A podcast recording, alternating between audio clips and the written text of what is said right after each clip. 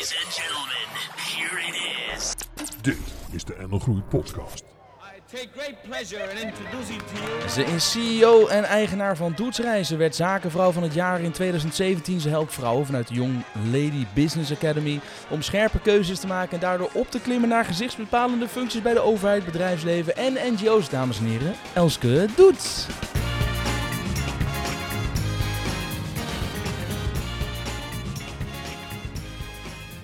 Ja, wat leuk dat je voordat wij zo dadelijk eh, volle bak aan de slag gaan hier in Utrecht met eh Utrecht Groeit, event van NL Groeit. Elske, wat zijn nou wat jou betreft typische uitdagingen waar je als ondernemer in deze tijd mee te maken krijgt?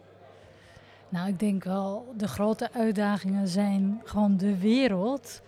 Eh, dus we hebben een oorlog in de Oekraïne dichtbij, handelsboycotten, we hebben hele grote klimaatuitdagingen, arbeidstekorten. Dus er zijn eigenlijk enorm veel uitdagingen in de buitenwereld waar je als eh, ondernemer mee te maken hebt. Ja, je moet hem maar willen. Ja, Die, die, die rol als ondernemer. En dan, Ja. en dan zit je ook nog in de reizen. ja.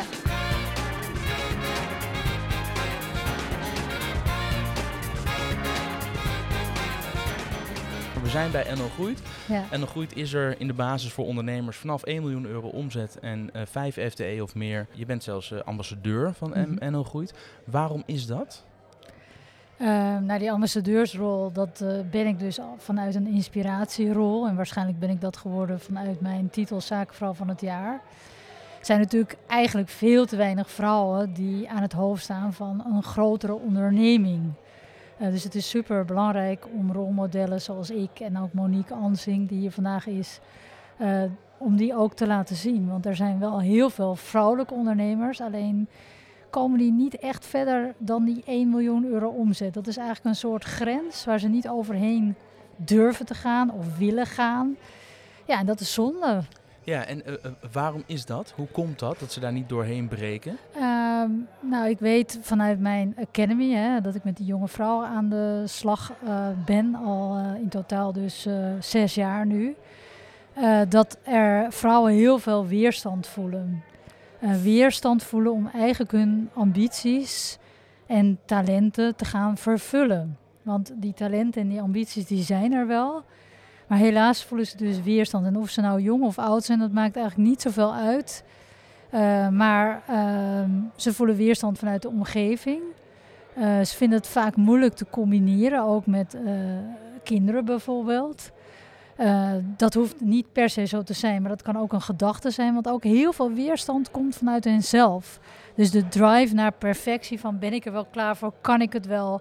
Dus eigenlijk ook een gebrek aan zelfvertrouwen. En dat is echt heel erg zonde. Ja, nee, je, je, je hebt de Young, en we hebben afgesproken dat ik uh, je en jij mag zeggen. Ja, heel graag. Ja, je hebt de Young Ladies Business Academy van jonge vrouwen, dat is 15 jaar tot, wat was het ook alweer? Tot 25. Tot 25. En nou, je hebt net de uitdagingen omschreven. Wat Ja. leer je dan tijdens, of Nou, bij die academy? Wat ik ze eigenlijk leer is, ik ga die rem wegnemen die ze op hun ambitie en hun talent leggen. Uh, ik, in tegenstelling tot wat er op scholen en universiteiten, want het is voor alle onderwijsniveaus gebeurt, zie ik echt die dames. En dat uh, klinkt heel simpel, maar dat gebeurt dus helaas niet. Ik neem ze dus serieus. En ga daarna ze enorm uitdagen. Dus, en dat is ook iets wat niet in het onderwijs gebeurt. En als je mensen niet uitdaagt, gaan ze ook niet groeien. Maar de psychologische component in die academy is ongelooflijk groot. En um, ja, zij zeggen dus dat ze dus, want het is een soort snelkookpan van een week waar je instapt. En daarna stopt dat natuurlijk niet. Uh, maar ze zeggen dus eigenlijk dat, dat het een soort life-changing experience is. En dat ze meer leren in één week dan tien jaar school. Ja, dat is natuurlijk wel annoying. Want er worden miljarden besteed in het onderwijs. En dan denk ik, ja, hoezo kan ik dat dan wel teweeg brengen? Maar dat zit hem dus heel erg in zien. Ja, is, is dat dan ook nog een, een, een soort zijpad wat je bewandelt, uh, een persoonlijke missie om te zorgen dat het ook uh, veel meer in het onderwijs gaat worden toegepast? Of zeg je, ja, kansloos? Nee.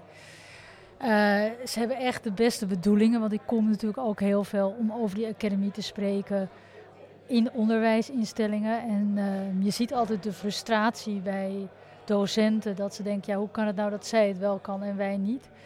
Maar ja, er is ook moed voor nodig. Ehm, als ik een lezing ga geven op een opleiding en eh, bijvoorbeeld, eh, ik noem even een dwarsstraat, eh, dat kan zijn business administration of dat kan iets toeristisch zijn, dat kan van alles zijn. Dan is altijd mijn eerste vraag, waarom studeren jullie dit? En dan zie je al gelijk de aanwezige docenten in een soort kramp gaan, want dat gesprek hebben ze eigenlijk nog nooit gevoerd en durven ze ook niet te voeren. Want dan zeg ik achteraf, ja, hoe kan het dat jullie dit gesprek niet voeren? Zeggen ze, ja, daar hebben we coaches voor en zo. Maar ja, dan denk ik, ja, Maar die rol kunnen zij ook pakken. precies. Dat, Ja. dat kost eigenlijk helemaal geen energie. Alleen je moet het wel doen. Ja. En zoals Jan van Zetten zou zeggen, eh, iets, meer, eh, iets minder interessant doen en wat meer geïnteresseerd. Ja, Ja, vragen stellen. ja. Ja. Ja. Dan komen ze ook minder gedesillusioneerd van een opleiding.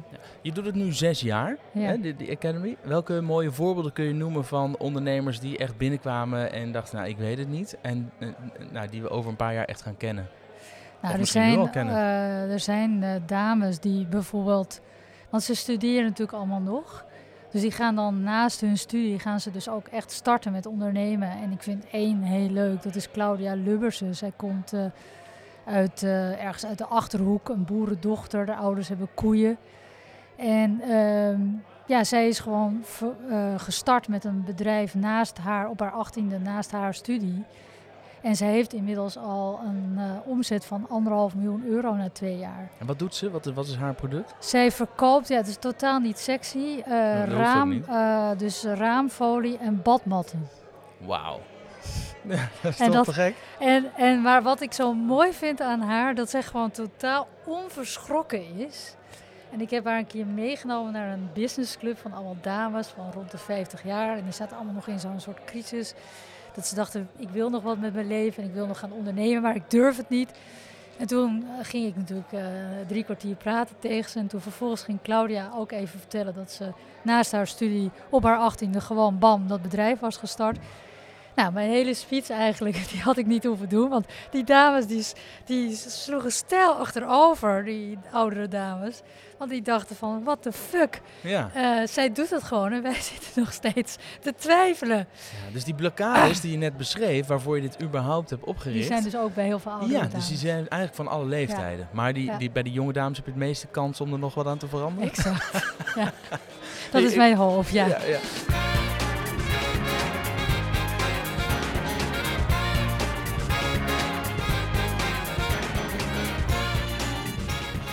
Elske, ik vind het wel leuk om ook, eh, ook iets meer te horen over doetsreizen. Want hè, we hadden het er net over, je bent ambassadeur en nog iets vanaf Ja. 1 miljoen 5 Ja. eh, FTE. Hoe gaat het met Doets? Nou, we zijn weer helemaal in de herstart. Hè. Wij hebben dus door corona is dat bedrijf dus helemaal ingestort, twee jaar lang. Dus heel heftig.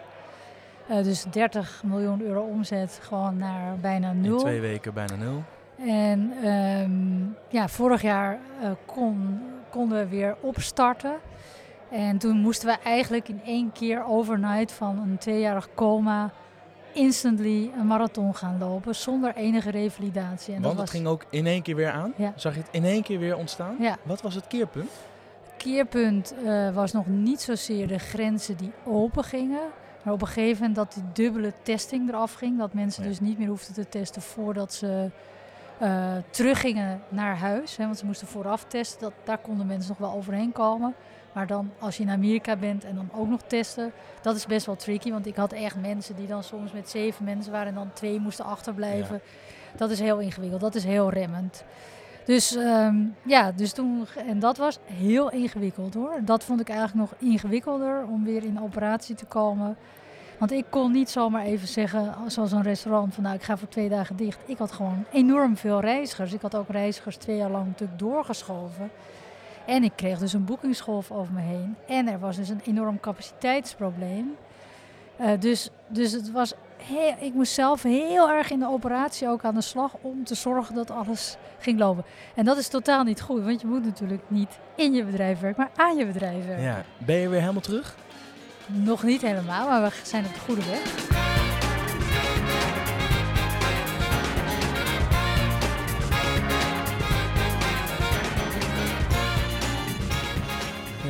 Nou gaat het, zo'n avond als waar we nu zijn, hier bij Dot Slash met en groeit, draait ook om het, eh, bijna om, de Chatham House Rules, met elkaar, met andere groeiondernemers kunnen delen. Wat zijn je uitdagingen? eh, die chatmouse rules gelden nu niet, want dit is een podcast. Maar ik ga je toch vragen, wat zijn nou echt uitdagingen waar je voor gestaan hebt? En twee, wat heb je nou echt gedaan waar andere ondernemers nog steeds iets aan zouden kunnen hebben? Nou, ik denk super belangrijk, ehm, ook met alle uitdagingen die er nu zijn, is om elke keer eh, scenario's te gaan maken. eh, what-if scenario's. Dus niet te denken van nou, hè, het ziet er allemaal goed uit, mijn omzet gaat lekker. Maar elke keer een what-if scenario te maken. En dan ook echt donkere scenario's durven te maken. Dus dat inzicht is super belangrijk. Ik weet dat heel veel ondernemers moeite hebben met inzicht. Inzicht in cijfers. Daar hebben ze vaak Ja. een accountant voor nodig. Nou, Ja. dat heb je niet nodig. Nee, dan huur je het in. En dan ook scenario's maken. Ehm, hè, wat betekent groei, maar wat betekent ook opeens een crisis voor je? En daarnaast ook absoluut kijken naar ehm, ja, klimaat. Wat eh, betekent dat voor mijn bedrijf op lange termijn en hoe moet ik dat omvormen naar een toekomstbestendig scenario? Dus dat je niet weer in die dagelijkse waan van de dag eh, lekker denkt, hè, mijn tijd zal wel komen. Nee, dat je dus ook die stappen maakt. Dat heb ik eigenlijk heel erg geleerd van die crisis. Maar dat moet je wel allemaal onder ogen durven te zien. Ja, ik wou net zeggen, want dan ga je dus actief aan de slag met waar je absoluut niet naartoe wilt. Dus ik denk dat heel Nee. veel mensen liever de kop in het zand houden. Ja, maar dat, dat is dus het, het domste wat je kan doen eigenlijk. Ja. Dus je hebt daar wel voor moed nodig. Ja, kun je dat leren? Of Ik heb je af en toe een schop onder de kont nodig van een mentor die je bijvoorbeeld bij NL Groeit kunt vinden? Bijvoorbeeld. Of eh, heel veel pijn lijden met sport. Heel veel pijn lijden met sport. Ja, ik heb een personal trainer en die laat mij af en toe heel erg lijden. En daardoor word ik wel, eh, durf ik meer. Word je Durf- sterker en weet je dat het weer goed komt. Durf ik ook moedig te zijn in keuzes in mijn bedrijf. Ja. Ja, ja. En klimaat schuiven we dat massaal te ver voor ons uit? ja. Ja? Maar Wij hebben veel te veel. Ja, klopt. Wij hebben in eh, deze wereld, ik denk ook in de kapitalistische wereld, veel te veel de adagium van. Nou ja, eh, als we ons nou maar kapot innoveren, kunnen we daar wel een oplossing voor vinden. En dan kunnen we gewoon doorgaan met wat we gewend zijn te doen. Ik denk dat dat niet het juiste adagium is. Ik denk dat we op een andere manier eh, naar groei moeten kijken. Oké. We gaan richting afronding, want ik zie Monique Ansing, die wordt nu er wordt een microfoon omheen gehangen, dus die gaat Ja. zo dadelijk openen. Ik weet dat zij in haar presentatie altijd een aantal recente boeken deelt die zij heeft gelezen, waar ze iets aan gehad heeft als ondernemer. Eh, is er, is er zo'n boek voor jou waarvan je zegt, dat was nou echt een boek waar ik iets aan gehad heb? Ja, dan ben ik een beetje een lastig klant. Want ik lees helemaal geen non-fictie. Ik heb het zelf wel geschreven, drie keer. Maar ik lees alleen maar fictie. Waar haal je dan de inspiratie vandaan als ondernemer? Heb je zelf bijvoorbeeld nog een mentor? Ehm, ik heb geen specifieke mentor, maar ik, mijn inspiratie komt vooral door reizen. Dus heel veel kijken, wat zijn trends, wat zie ik. En heel veel omgaan met andersoortige mensen dan ondernemers. En dus ook met die jonge vrouwen. Die zijn juist super inspirerend voor mij om ook verandering in mijn bedrijf teweeg te brengen. Zij geven eigenlijk mij realiteitszin. Laatste vraag, eh, mijn favoriete vraag. Wat is jouw favorite failure? Oftewel, ben je wel eens op je plaat gegaan waar- waarbij je dacht, dit is echt het domste wat ik ooit heb gedaan. Waarbij je achteraf terugkijkend heel veel van geleerd hebt. Nou, ik heb eh, één keer een hele grote fout die mij heel veel geld heeft gekost met dollars gemaakt. Want eh, mijn bedrijf heeft dollars natuurlijk als een belangrijke grondstof. En eh, banken willen dat nogal vaak aan jou brengen alsof je daar nog extra geld mee kan verdienen. En daar heb ik een keer een enorme fout mee gemaakt. En eh, toen heb ik dus echt besloten, dat ga ik nooit meer doen. Ik zie dat gewoon als een grondstof. En ik moet geld verdienen met reizen verkopen. Ik praat later heel graag nog een keer met je door, maar we gaan nu beginnen. Monique staat Ja. klaar, de deur gaat dicht. Dus dames en heren, enorm bedankt Elske voor eh, je bijdrage nu, maar ook zo dadelijk bij dit event van NL Groeit. En succes straks bij TED. Dankjewel Jelle.